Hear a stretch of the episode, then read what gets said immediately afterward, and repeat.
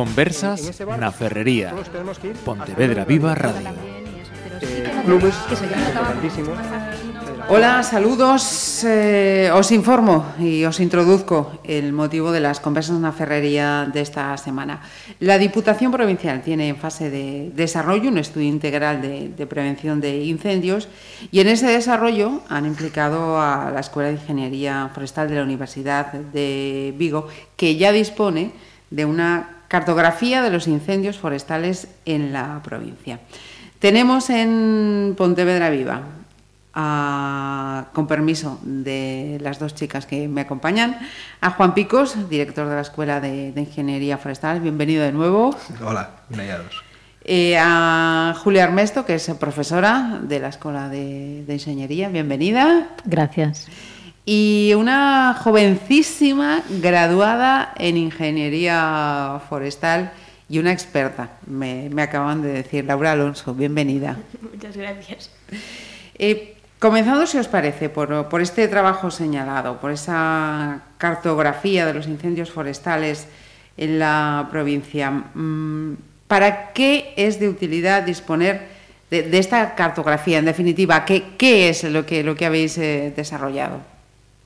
Bueno, pues eh, por, por, comenzar yo, el, el origen del estudio es que la Diputación nos solicitó ayuda, eh, consejo, guías, sobre qué eh, actuaciones convenía llevar a cabo o convendrá llevar a cabo en el futuro para evitar que un desastre de las magnitudes eh, que tuvimos en la provincia en octubre de 2017 eh, volviera a suceder.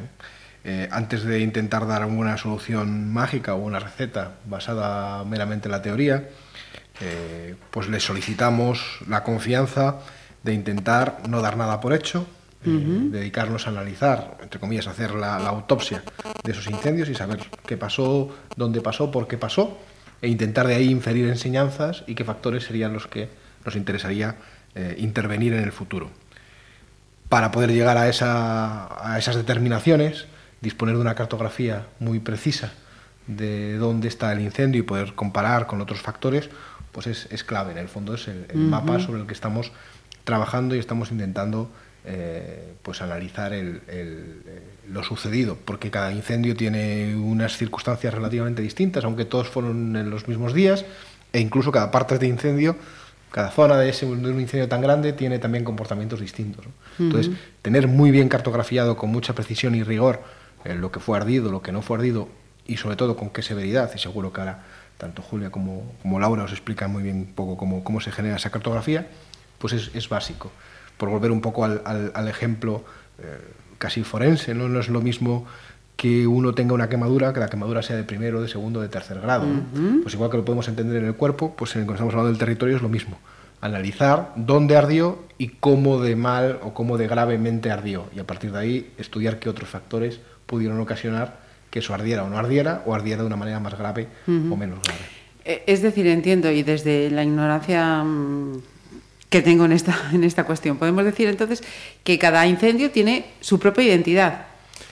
Eh, sí, en el fondo, eh, realmente el incendio, el incendio no, no, existe más que en nuestra cabeza. Me refiero, el fuego funciona eh, instantáneamente en función de las condiciones que tiene en un sitio y en un lugar. Ajá. Nosotros vemos el incendio porque lo hemos visto a lo largo de un periodo de tiempo y vemos que hay una superficie concreta quemada. quemada. Pero el incendio uh -huh. está reaccionando en cada momento al combustible que tiene, a la topografía que se encuentra y al, eh, la, a la acción de los agentes meteorológicos, fundamentalmente el viento que está aportando oxígeno. Eh, eso puede variar en media hora eh, o en eh, el incendio recorriendo una pendiente en un sentido, llegar, empezar a ir cuesta abajo, empezar a ir en llano, con lo cual cada parte del incendio, cada momento del incendio se está comportando en función de esos factores. Uh -huh. Entonces nosotros lo que estamos es un poco trazando qué es lo que hace que eso se comporte de una manera más virulenta o, por decirlo así, menos grave en el término del incendio. Ajá, y, y eso lo habéis visto una vez terminado, que, es, que me llama la atención, bueno, una vez que ha pasado, se puede mmm, concluir todo, todo eso. Tiene, tiene, una parte fácil que es eh, hablar, del, de hablar del partido al lunes siguiente. Decir, una vez, una vez que, que, España ha sido eliminada, todos, todos tenemos, empezamos a tener claro que fue, que fue mal. teorías, ¿no? Que fue mal, ¿no? Uh -huh. Pero si no analizamos eso, el siguiente partido probablemente lo planteemos mal. Esto Ajá. es exactamente lo mismo. Efectivamente, uh -huh. estamos analizando a posteriori lo que pasó, pero con la idea de que eso nos dé información para prevenir que nos vuelva a pasar en el siguiente mundial, dicho de esa manera. Perfecto, muy gráfico, Juan, sí, señor, se agradece. Em, entonces, ¿nos podéis explicar también cómo, cómo ha sido ese, ese trabajo, cómo se ha desarrollado, qué metodología habéis seguido? Bueno, eh, para desarrollar esta cartografía de satélite, eh, bueno, lo primero fue decidir con qué, con qué tecnología, ¿no? Eh, claro, de la gama de posibilidades que tenemos hoy en día, los cuatro niveles de observación de los fenómenos que ocurren en el territorio son el terrestre, el aéreo con los nuevas, las nuevas plataformas no tripuladas, los drones, las plataformas aéreas convencionales con aviones tripulados y finalmente el nivel satelital. Es decir, hay una gran cantidad de eh, sistemas que van montados a bordo de satélites que están orbitando y están adquiriendo información de manera continua. Entonces hay eh, muchos sensores y, eh, y bueno y, y, la ventaja que tienen es que nos dan información con una cadencia temporal muy breve. Entonces podemos seleccionar eh, datos, en, podemos tomar eh, datos que fueron adquiridos en fechas muy próximas a las fechas en las que ocurrieron los incendios, sí. efectivamente, ¿no? porque están ahí de una manera continua trabajando y proporcionándonos información. Entonces esto fue lo primero. Bueno, eh, sobre esto decir que Laura era una alumna muy destacada, ya tenía experiencia con nosotros, había realizado una beca de colaboración con nosotros, tenía formación y una inquietud especial con el tema de los incendios forestales. ¿No? Entonces, bueno, pues un poco se juntó, digamos, esto fue lo que originó que ella se implicara especialmente en este tema y fue ella la que finalmente implementó eh, todo el proceso de, de, generación de la cartografía satelital para cartografiar los incendios. ¿no? Uh -huh. Entonces, una vez decidido esto, que eran lo, el, los satélites la, lo, los que nos podían proporcionar información apropiada para esta, este fenómeno tan extenso, porque fueron, fue muchísima superficie afectada y, por lo tanto, no era planteable en ninguno de los otros niveles de observación que tenemos disponibles, otro tipo de cartografía con otras uh -huh. cadencias de observación y otras limitaciones territoriales de extensión. ¿no? Entonces, el satélite era sin duda la plataforma óptima. Y ahí hay una, un proyecto europeo, el proyecto Copernicus, que opera diferentes plataformas y que nos está proporcionando eh, información de mucha resolución espacial, es decir, de mucho detalle, y mucha resolución espectral, que significa la resolución espectral es la foto eh, más allá de lo que ven nuestros ojos. Información, nos proporcionan información más allá de lo que nosotros seríamos capaces de ver, nuestros ojos serían capaces de percibir si estuviéramos nosotros a bordo del satélite. Ellos ven más de lo que nosotros podemos ver. Entonces, Ajá. toda esa información nos la están proporcionando. Hay un satélite, en particular el, el satélite Sentinel, eh, que es el que seleccionamos para hacer este estudio. Ajá. ¿Y, ¿Y, se había utilizado anteriormente esta, estas herramientas, estos satélites para um, iniciativas de este tipo o habéis sido los primeros en, en trabajar con ello? En trabajar con satélites sí que se trabajara, me basé en información de otros proyectos, pero es cierto que no encontré nada hecho con Sentinel para incendios, todo con otros satélites distintos. Uh -huh. Entonces sí que a la hora de hacer el procedimiento tuve que ajustar un poco los datos para que coincidieran con este satélite. Uh -huh. Este es el, eh, digamos, la, el gran hallazgo, a lo mejor es excesivo, pero sí no, no encontramos evidencias eh, de procesos específicos para este satélite. Sí, para otros, Landsat es una constelación de satélites que tiene bueno, mucha antigüedad y muchos estudios hechos uh -huh. sobre Landsat y aplicados a incendios, a, la, a cartografiar la superficie afectada y los niveles de severidad pero eh, la metodología desarrollada para Landsat no era válida, no era directamente trasladable a las imágenes Sentinel porque hay diferencias eh, tanto en estos dos conceptos que digo, en resolución espacial como en resolución espectral. Entonces no era directamente trasladable. Y entonces esto fue, digamos, la aportación, es la aportación del método AVE desarrollado específicamente para Sentinel uh -huh. y para nuestro ámbito territorial, que es adaptar esta metodología y que ha dado un resultado eh, espectacular, porque hemos comprobado eh, multitud de circunstancias eh, sobre el terreno que el contorno de las áreas afectadas eh, tiene una correspondencia física eh, magnífica. ¿no? Eh, tenemos muchos ejemplos de ello. ¿no? Em, y, entonces, bueno, esta es la gran contribución. Por una parte, esto, conseguir desarrollar un procedimiento para cartografiar mediante una imagen de satélite una gran extensión. Esto está hecho para toda la provincia, todos los incendios que afectaron a la provincia en, en estas fechas, en, octubre de 2017. Y. Em, entonces, eso es el gran alcance territorial que tiene y, por otra parte, eh, ser capaces de graduar eh, detectar los niveles de severidad. ¿Qué es esto? Es decir, mm, pues por seguir con la analogía que ponía Juan, es decir, quién tiene una quemadura grado 1, quién tiene una quemadura grado 3, dónde ha habido estos niveles de afección, estos niveles de severidad.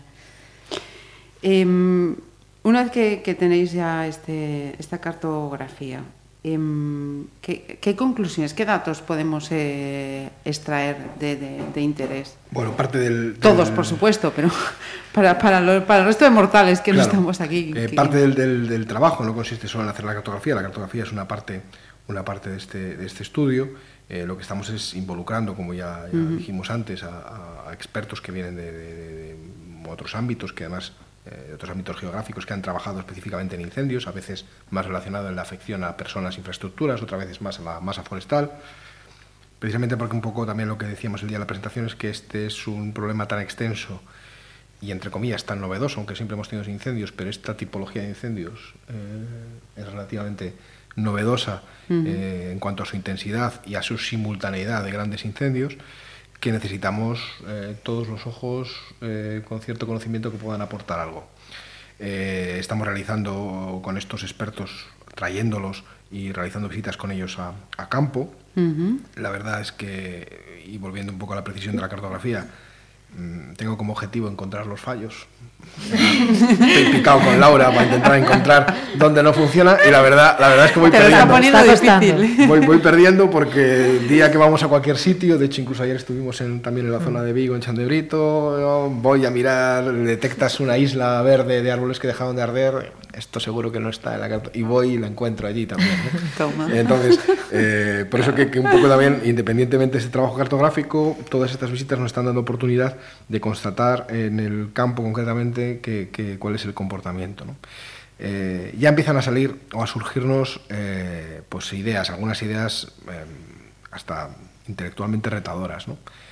en uno de los incendios, el más grande, que recorre la provincia de Pontevedra, eh, tenemos dudas si, si, es decir el más grande, porque el de Asneves, si sumamos la zona portuguesa, pues probablemente estaríamos en el mismo orden de magnitud, pero desde luego el incendio más grande que recorre íntegramente la provincia de Pontevedra es el que recorre eh, Redondela, Sotomayor, Pazos, este incendio que se prolonga a lo largo, de sur a norte, eh, pues casi de esa fachada justo detrás de las rías, en la provincia de Pontevedra. En ese incendio toda la parte sur, que es la parte inicial del, del fuego, coincide eh, exactamente con una precisión a veces hasta, hasta sorprendente con los incendios de 2005 y 2006. Por eso el otro día también formulábamos esa, ese, ese, ese, titular retador, ¿no? Eh, de que los incendios, o los grandes incendios, porque también hay que empezar a distinguir lo que es un incendio y un gran incendio, estos grandes incendios forestales tienen memoria en, en el sentido en el que, eh, en el fondo, los grandes incendios de hoy tienen mucha probabilidad de ser los padres de los grandes incendios de mañana. Es decir, vuelve a arder en la misma, en la misma zona y probablemente es porque ahí se dan, eh, bueno, pues toda la vegetación se regenera a la vez en una superficie muy homogénea y además se agudizan eh, pues las tendencias de abandono de la gestión del territorio, tanto agrícola como forestal. Es decir, después de una catástrofe, los sitios más afectados, pues aquella gente que le ha ardido eh, por su explotación o su inversión o su repoblación, es más difícil que vuelva otra vez a volver a ella. Con lo cual nos genera un territorio muy extenso, muy homogéneo, que unos años después pues está en unas condiciones, vamos a decirlo así, ideales para el mal, o sea, ideales para que si se produce un incendio forestal eh, adquiera una intensidad relativamente grande. Nosotros lo hemos podido mostrar para este incendio en Pontevedra, pero los compañeros que están trabajando con los incendios portugueses también detectan que algunos de los grandes incendios, precisamente del mes de octubre, en la zona central de Portugal, están también muy correlacionados con los incendios que ellos sufrieron allí en 2003 y 2005. Entonces creo que ese es un primer mensaje importante porque que ahora este año, porque lo ardido no va a volver a arder este año, pero que parezca que hay menos eh, y nos haga bajar la guardia, pues a lo mejor dentro de 5, 6, 8 o 10 años, eso está en condiciones de volver a tener un gran incendio forestal otra vez. ¿no? Y normalmente significa que el siguiente suele ser más grande que el anterior. Y después de este año, en 2017, ardió el doble que la suma de lo que ardió en 2005 y 2006 en la misma zona. Entonces, una de las principales eh, ideas o llamadas de atención que en este momento de los trabajos ya podemos hacer es que no nos podemos olvidar de lo que va a pasar ahí y que de alguna manera tenemos que anticiparnos a que esto vuelva a tener una estructura en cuanto a vegetación y a falta de gestión eh, que nos pueda volver a, poner en riesgo en ese, en ese nivel. Por tanto, eh, habría que incidir en, eso, zona quemada, zona abandonada, peligro. Peligro inminente. Eh, normalmente este tipo de grandes incendios forestales necesitan, por decirlo así, que que, es, que todos los factores se alineen en, sentidos contrarios. La meteorología es una cosa que realmente no, no, podemos incidir sobre ella, donde además estamos viendo que puede haber periodos meteorológicos especialmente desfavorables dentro de un contexto de cambio climático. Es decir, no solo es que no vayamos a poder incidir sobre ellos, sino que es posible que aparezcan episodios eh, claramente desfavorables. La topografía no la podemos modificar, es el relieve el relieve que tenemos, y lo siguiente es eh, la cantidad de combustible disponible que en ese momento tiene el incendio. Porque realmente los, los incendios no se apagan, a los incendios se les mata de hambre. Es decir, la única manera de evitar que un incendio progrese es eliminarle el combustible o el oxígeno. No hay más. Nos decimos que lo hemos apagado. Realmente el incendio se acaba consumiendo a sí mismo, acaba muriendo de hambre.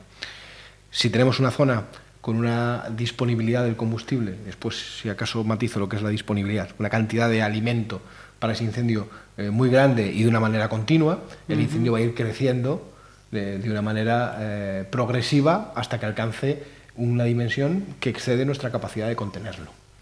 Eh, ese, ese, es el caso de los incendios forestales. Entonces, nosotros intervenir en que la disponibilidad de ese combustible sea la menos posible y a la menor cantidad, y sobre todo esa menor cantidad esté situada en aquel combustible menos desfavorable. Y, entro un poco a explicar lo que es.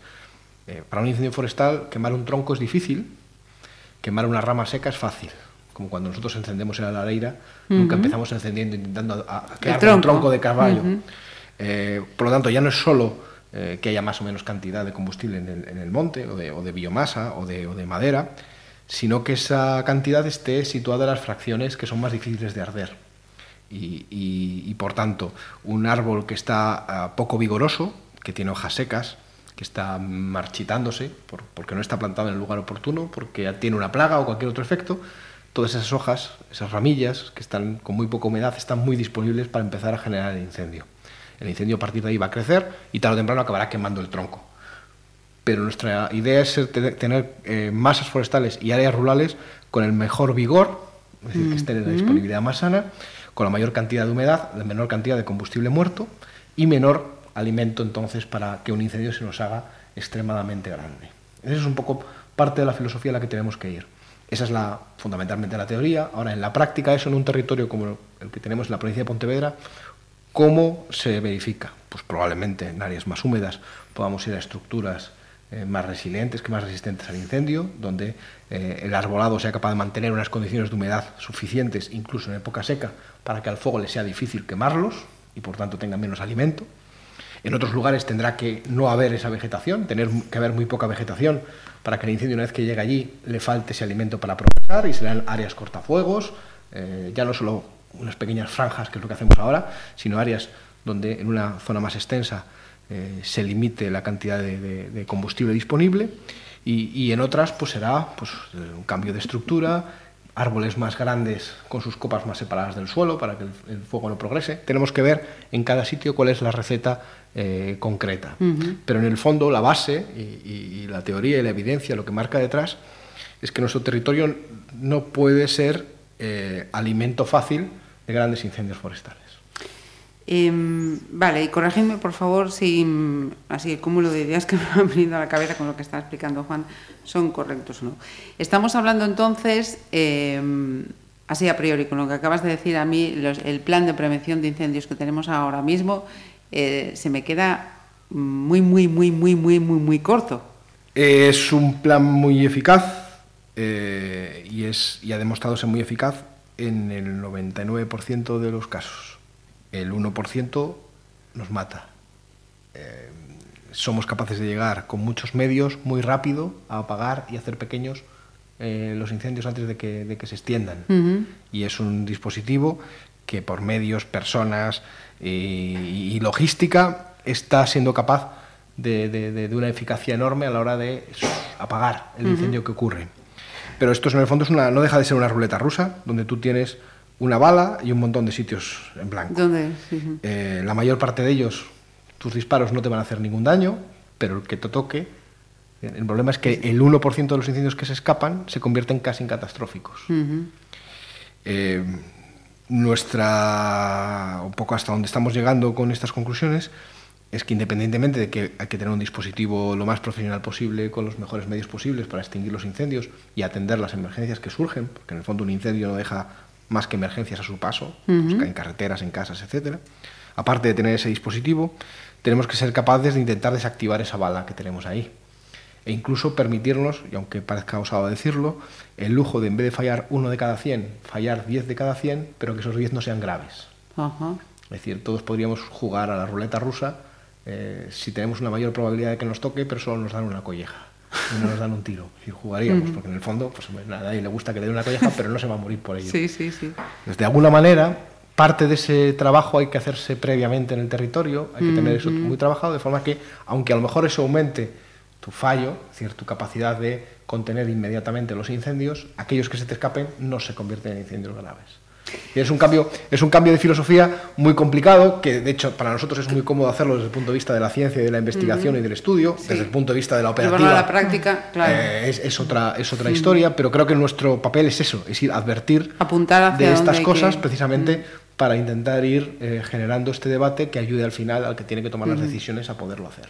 Claro, porque además en, en, en, esa parte, en ese 1%, eh, estamos hablando de, de implicar a, a, muchas partes, ¿no?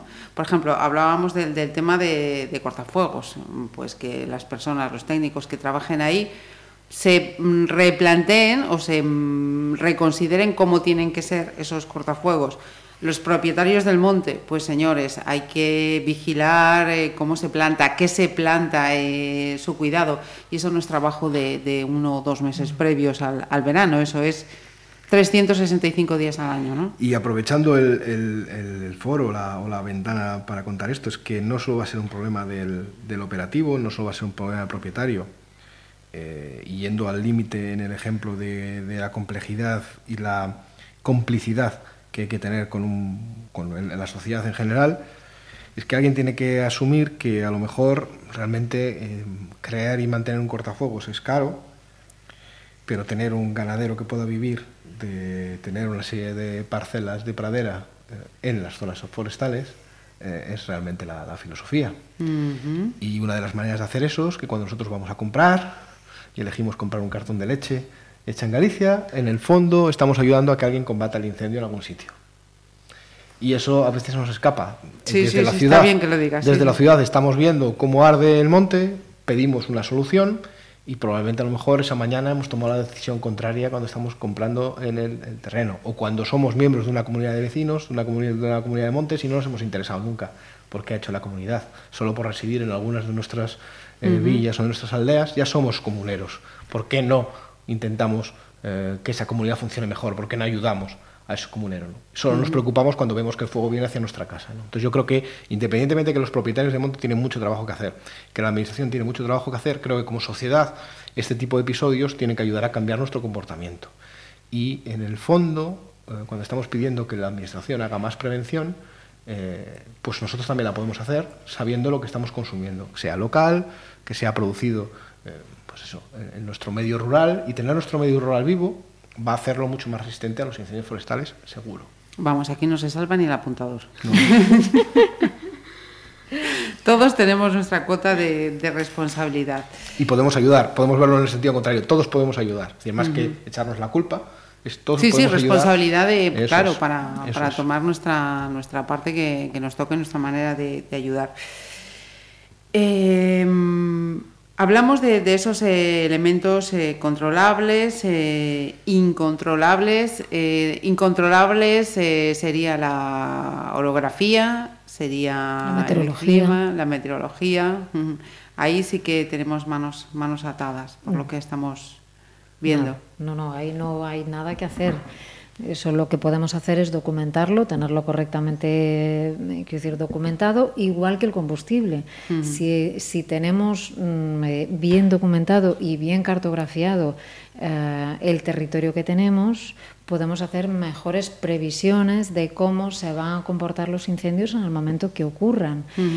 por eso es tan importante mm, documentar lo que hay y tener un conocimiento riguroso de cuál es eh, la situación a la que nos enfrentamos, nuestro entorno, tenerlo correctamente documentado, cartografiado y, valorado, ¿no? Para saber, eh, pues esto, mm, hacer correctas previsiones, ¿no?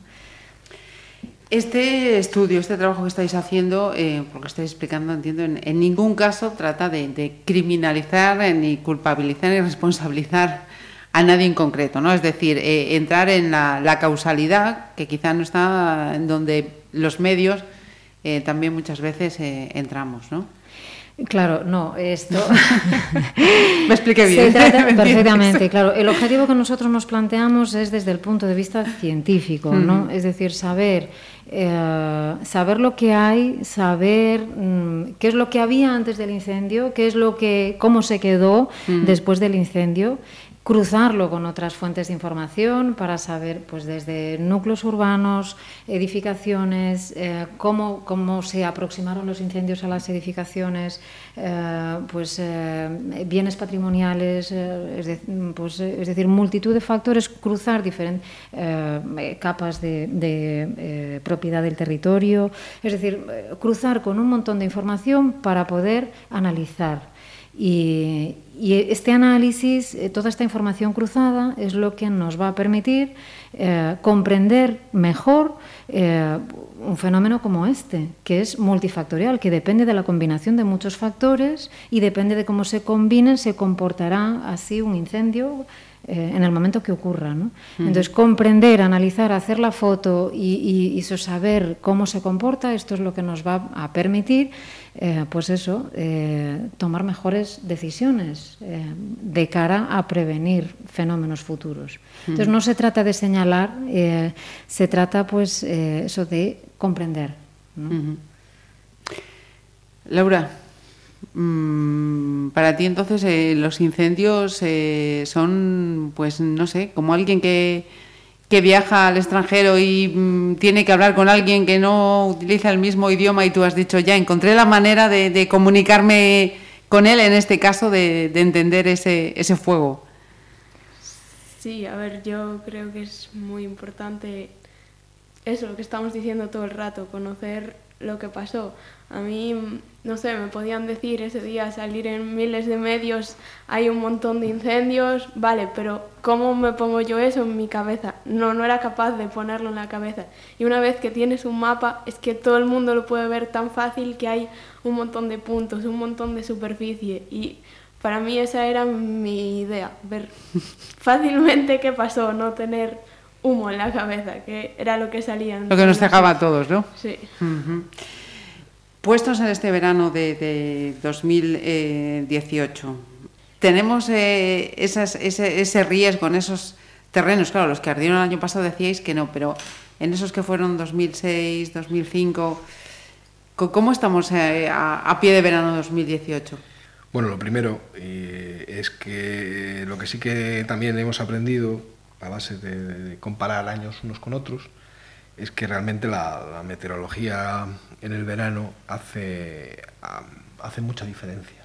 La situación de un verano como el que tuvimos el año pasado, que en estas fechas todavía ya no, no sabíamos muy bien lo que era el agua, comparado con este, con que prácticamente hemos tenido una primavera, o al menos un final de primavera y comienzo de verano bastante lluvioso, eso, hace un cambio, hace un cambio eh, porque en el fondo la, la disponibilidad de ese combustible que decíamos antes de la vegetación, al menos en este momento, no es tan grande. También es posible que si deja llover ahora el, otoño se puede hacer muy largo, porque mm. lo que nos está pasando es que estamos viendo que cada Ese vez cambio nos enfrentamos más hacia, hacia problemas en otoño. De todas maneras, aquí también tenemos un, un, en el refranero suele ser bastante predictor eh, este asunto de en, en septiembre eh, secan las fontes y arden los montes. ¿no? hay, un, hay un refranero que también, que también nos está indicando que el otoño a veces eh, puede ser más problemático que el, verano. que el verano. Entonces la meteorología lo va, lo va a marcar y por tanto pues, eh, pues Meteoraliza no se atreve a hacer predicciones de más de cinco días, no voy a ir yo aquí ahora a intentar hacerlas.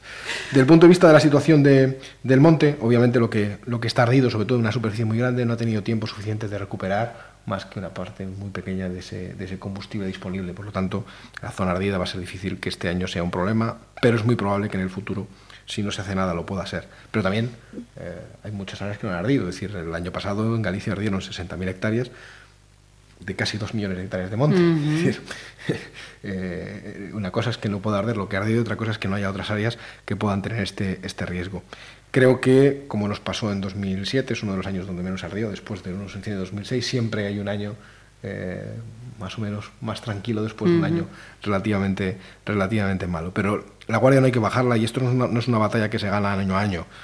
Eh, cuando pues, al responsable político de turno se le hace las cuentas todos los años de si un poco más que el anterior, bajó, o subió, realmente es, una, es un ejercicio, es un juego, no, no, no, tiene realmente fondo, porque realmente lo que importa es la tendencia. Lo que importa es lo preparados o no que estemos para que si eventualmente se nos dan unas circunstancias tan malas como estas, volvamos a sufrir otra cosa como esta. esto no es, eh, no, no, no, es, no es una carrera de todos los días, sino es una carrera de fondo y sobre todo lo que nos va a importar es ese 1% o esas situaciones especialmente complicadas, si en ese momento vamos a estar mejor o peor preparados de lo que nos ocurra.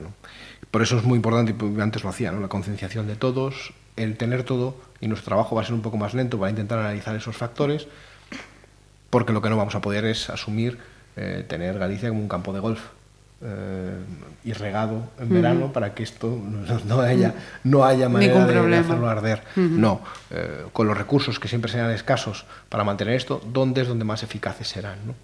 Y tenemos ejemplos y, ya los hemos podido ver, eh, y, Laura ya ha hecho un trabajo muy bueno en determinar cuál era el número de elementos de patrimonio arqueológico que han sido dañados, y eso es un dato que hemos sacado por un lado, es decir, no solo no se está ardiendo patrimonio natural, sino también patrimonio cultural.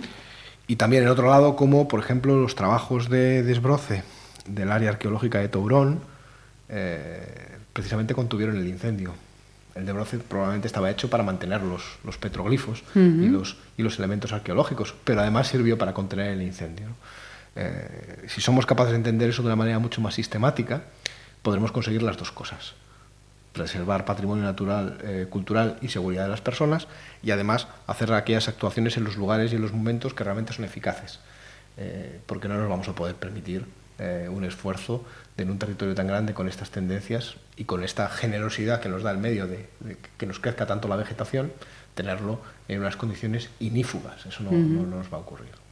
Porque ahora que ponías, por ejemplo, hablabas de, ese ejemplo de, de, Teurón, del estudio de, de Laura, y, mirando esos incendios de 2017, obviamente hubo una pérdida de patrimonio natural, de patrimonio arqueológico, histórico, pero también de, la cabaña de, la provincia. Eso también se ha podido eh, analizar. Sobre el ganado. Sí, sí, sí, sí. No, y nosotros no hemos hecho, hemos hecho números. Hay otros compañeros en la escuela que están trabajando fundamentalmente con el caballo de monte, que, eh, bueno, de hecho han hecho una eh, una suelta en un cercado experimental que tiene la comunidad de estacas y lo que van a evaluar es la capacidad de control de la vegetación que tiene el caballo. Eh, pero no, los, no, lo que yo sepa, no, han hecho los daños directos que ha habido. Claro, porque también por lo que comentábamos aquí es un elemento importante, pues eso, para mantener no, No, eh, no, hay, no, hay, no hay ninguna duda. la situación es, cuando vienen mal dadas es tan grave que nos hace falta todo. Hace falta que todo esté cumpliendo su función en el sitio correcto. Eh, y al final pues hará falta ganadería, vamos a decirlo así también, buena ganadería, buena gestión ganadera, va a hacer falta buena gestión forestal, buena silvicultura, va a hacer falta que los elementos patrimoniales, más allá de estar catalogados, además estén mantenidos, Y protegidos. Nos va a hacer falta todo. Eh, y, como decía antes, todos y todas las administraciones y todos los propietarios y todos los responsables tienen un grano o un ladrillo que poner en ese, en ese, edificio. Y ahí en ese sentido, eh, es, yo creo que es interesante, quería llamar la atención también sobre la necesidad de aplicar las herramientas que hay, las herramientas de análisis del territorio, no solo a la situación post-incendio, es conocer todo lo que ha pasado y cruzar todas estas fuentes documentales, sino también a la situación pre. Es decir, eh, preguntabas, ¿cómo nos enfrentamos a, los incendios a esta campaña 2018? tenemos fuentes documentales, cartografía a nivel autonómico eh, y muchas herramientas tecnológicas modernas, novedosas, que podríamos utilizar y sistematizar su uso para documentar la situación previa a una campaña para poder gestionar mejor la prevención. Es decir, hay eh, eh, cuestiones contempladas de prevención que, bueno, digamos que estaría bien intensificar y utilizar herramientas cartográficas para poder eh, tener, ese, conocimiento mejor de cómo estamos llegando a la campaña 2018 en cuanto a cantidad de combustible, cómo están los entornos, la vegetación, la cantidad de combustible en torno a edificaciones aisladas, en torno a núcleos urbanos, eso, cómo estamos. ¿no? Entonces, bueno, eh, yo creo que es importante. Mm, eh, esto, utilizar la cartografía e investigar. Y aquí parte una lanza, ¿no?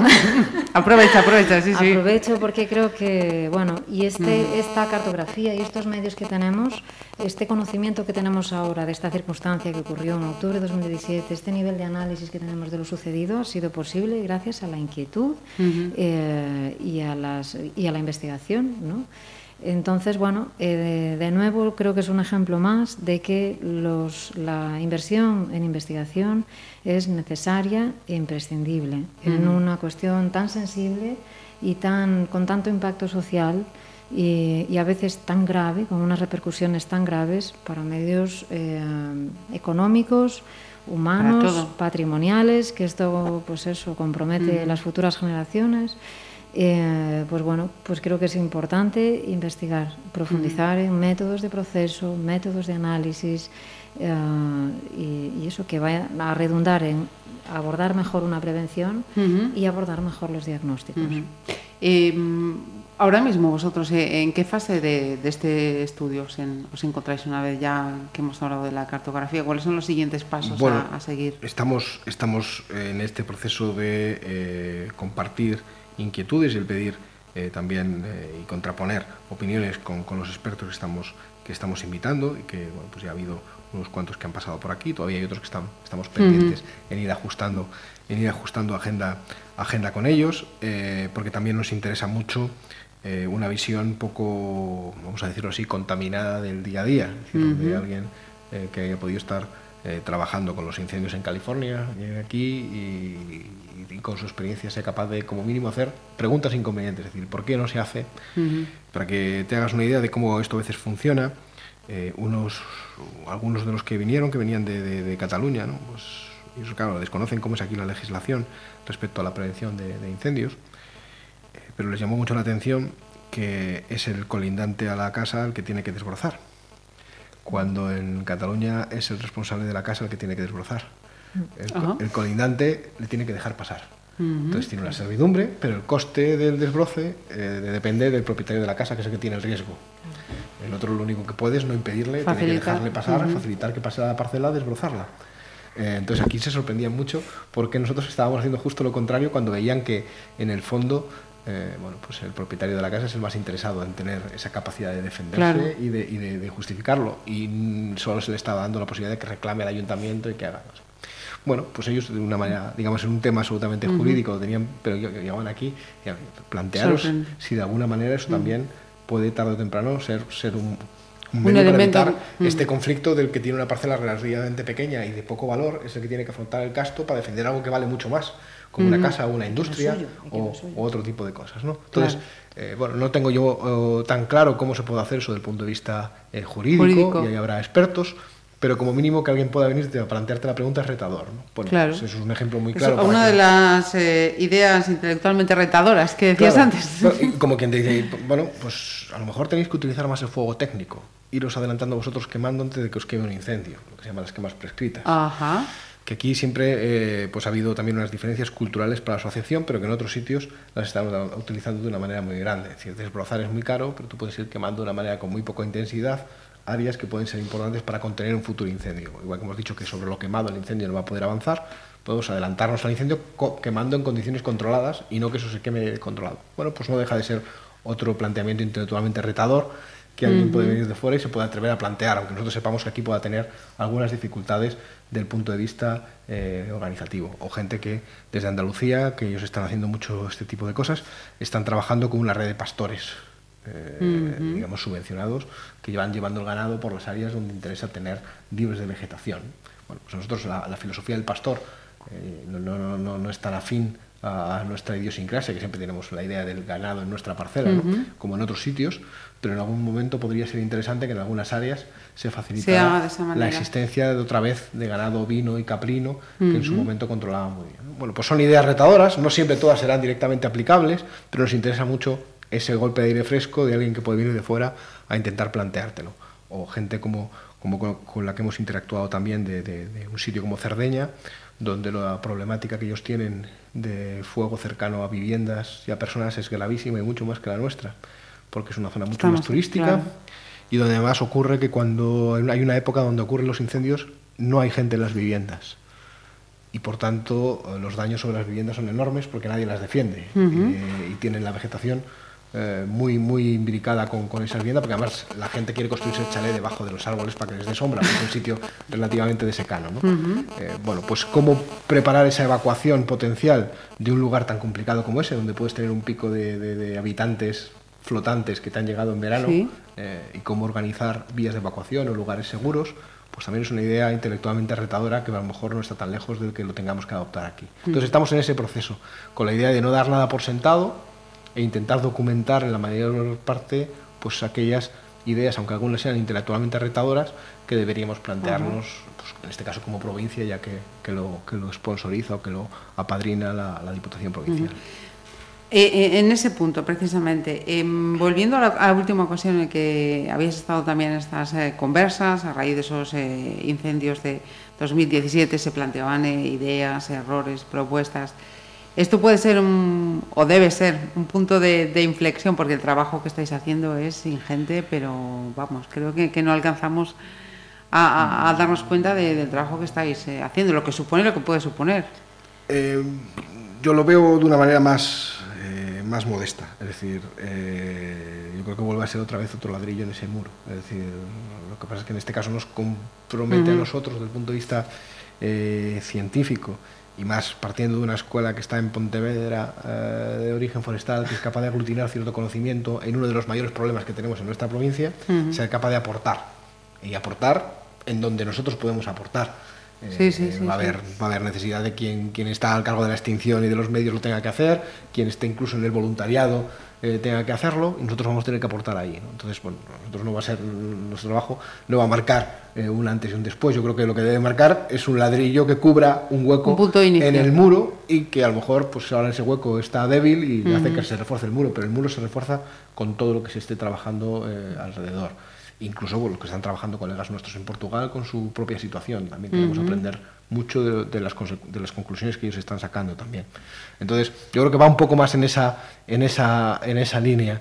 Y bueno, hay que agradecer que una institución como la Diputación también haya sido muy sensible y que además nos esté permitido trabajar con una partitura relativamente amplia, es decir, mm, lejos de, de- de- de- de forzar, yo creo que están entendiendo eh, la utilidad que puede ser eh, generar estas, estas ideas nuevas, estos planteamientos eh, que, que- que escapen de los lugares comunes que repetimos siempre que hemos tenido un incendio. ¿no? Me vais a permitir una pregunta personal para Laura. Para ti, personalmente, eh, ¿qué, qué está suponiendo este, este proyecto, participar en esta iniciativa, Laura? Tengo curiosidad por saberlo. La verdad es que, no sé, estoy como impresionada porque yo simplemente lo hice pues como mi trabajo de fin de grado, me interesaba por hacer algo que pudiera ser interesante y no me esperaba que fuera a ser tan útil, la verdad. Entonces estoy un poco pues muy sorprendida y muy agradecida por darme todas estas oportunidades de que algo que hagas no se quede ahí en un libro, sino que salga. Y, ahora retomo la, la, pregunta a Julia. Eh, que tengamos eh, profesionales, como, como es el caso de, de Laura, nos debería enorgullecer y poner en valor lo que tenemos aquí en la ciudad, ¿no? Desde luego que sí. Eh, bueno, Laura mm, eh, fue una alumna de una trayectoria brillante mm, y bueno, fue durante toda la trayectoria académica, pero no solo eso como trayectoria académica, sino como sensibilidad especial, ¿no? Y una dedicación especial. Eh, y bueno, desde luego eh, hay no solo ella, tenemos unos cuantos alumnos muy destacables, ¿no? Pero y desde luego que es un orgullo para la escuela, para el título y, bueno y para nuestro contexto como ciudad tener esta cantera de profesionales aquí, ¿no? Aportando tanto valor en una temática como esta y en otras, ¿no? Ahora es esta la que nos ocupa y, desde luego que Laura es un ejemplo magnífico, ¿no? De los profesionales que están saliendo de, de nuestra escuela, ¿no? Si nosotros, y subimos el escalón, Juan. ¿sí? Claro, si nos, si nos, si nos eh, visualizamos como, como, un centro de formación universitaria, en el fondo eh, no somos más que una fábrica que coge una materia prima y, la, y pone un producto, en este caso en el, mercado o en, en, la sociedad, que sería un profesional formado. ¿no? Eh, la materia prima es buena, es muy buena y lo vemos. Uh -huh. lo vemos nosotros recibimos a los chavales en Ponte de Ciencia cuando vienen, uh -huh. cuando vienen de primaria y de secundaria y ves que al menos en nuestro entorno hay, hay potencial. ¿no? Uh -huh. Nuestro trabajo va a tener que ser intentar que ese potencial se exprese en la mayor parte de lo posible, porque nosotros no seremos más, a nosotros no se va a conocer por lo que somos, sino por lo que producimos. ¿no? Y la verdad que siempre es muy, satis muy satisfactorio encontrar pues, cómo has, has ido intentando ayudar a, a, a producir, eh, yo creo que profesionales eh, que trabajen en las nuevas tecnologías, que superen a sus profesores, porque nosotros siempre vamos a estar enseñando lo que nosotros aprendimos, uh -huh. mejorado un poco más, pero van a ser ellos los que tienen que subirse a los nuevos carros. ¿no? Entonces hay que enseñarles a que sean capaces de subirse a, a la tecnología y que, y que nos, nos superen uh -huh. y nos pongan en aprietos, como decíamos antes con la cartografía, me demuestren que es capaz de car car cartografiar y yo no soy capaz de encontrar los fallos. Y no dejar ¿no? ese recoveco. Eso es. Entonces, para nosotros es, como escuela es una satisfacción y creo que, que, además en Pontevedra hay, una, hay, un, hay un potencial, viendo los alumnos que están en los colegios y en los institutos, muy buenos en este campo y en otros, pero especialmente en este. Siendo este un problema que preocupa a la sociedad como preocupa, pues creo que nuestra responsabilidad es, es producir investigación y dar resultados también a la sociedad, pero producir profesionales que sean los que en el futuro sean -huh. capaces de mantener esta situación en una condición mucho mejor que la que nos estamos encontrando nosotros ahora. Y luego las otras dos patas restantes, a las que en este momento no puedo preguntar, pero sí aprovecharé en otras eh, circunstancias, sería la iniciativa privada y la iniciativa pública para que aprovechen este, este potencial que tenemos, que es la, la, que completaría el círculo. Pues Juan, Julia y Laura, yo os agradezco un montón que nos hayáis acercado esta propuesta. Y hoy os invito que más adelante, cuando hayamos dado algunos pasitos más en este ingente trabajo, pues lo, lo compartáis también y, y, hacernos llegar ¿no? lo, lo, que se está haciendo. Siempre, siempre deseosos. De hecho, hasta ya lo hemos comentado alguna vez, que uno también de nuestros debes es no haber prestado demasiada atención en contar lo que hacíamos. eh, entonces luego uno se sorprende de cuando alguien de repente asume que es relativamente sencillo, inocuo, eh, recortar en educación e investigación, porque en el fondo la gente no sabe para qué vale. Eh, creo que es nuestro deber eh, contar fuera de tiempo, es decir, cuando lo estamos haciendo, lo que hacemos, porque cuando alguien se plantee eh, pues una decisión de ese, de ese calibre, rebajar fondos en investigación, rebajar fondos en formación de las nuevas generaciones, ya en ese momento entenderá que eso será un, un, error. un grave error. Entonces, pues, pues nosotros, vamos, encantados de venir e encantados de tener la oportunidad de contarlo. Desde luego, y yo eh, quiero reforzar esa idea, ¿no? Y además por la satisfacción personal que supone para nosotros eh, dedicarnos eh, y dedicar nuestro esfuerzo a, cuestiones útiles para la sociedad, ¿no? Y, digamos, no solo dedicarnos, sino tener la oportunidad de que de alguna manera trascienda, porque, mm, bueno, digamos, uno se siente mejor cuando lo que hace es útil y además, pues, pues bueno, pues trasciende, que efectivamente, mm, pues eso, estás haciendo algo que tiene interés y que ayuda, pones un granito de arena, ¿no? Eh, entonces, bueno, desde luego tener esta ventana, esta oportunidad para contarlo, pues es muy de agradecer y desde luego... Mm, pues estaremos, vamos aquí para contar eh, lo que los progresos en la línea. Ese es nuestro ladrillo, que decía Juan. Muchas gracias. Hemos sido varias veces campeonas gallegas y me gustó mucho porque estamos, o sea, el esfuerzo tiene. Conversas na Ferrería. Pontevedra Viva Radio.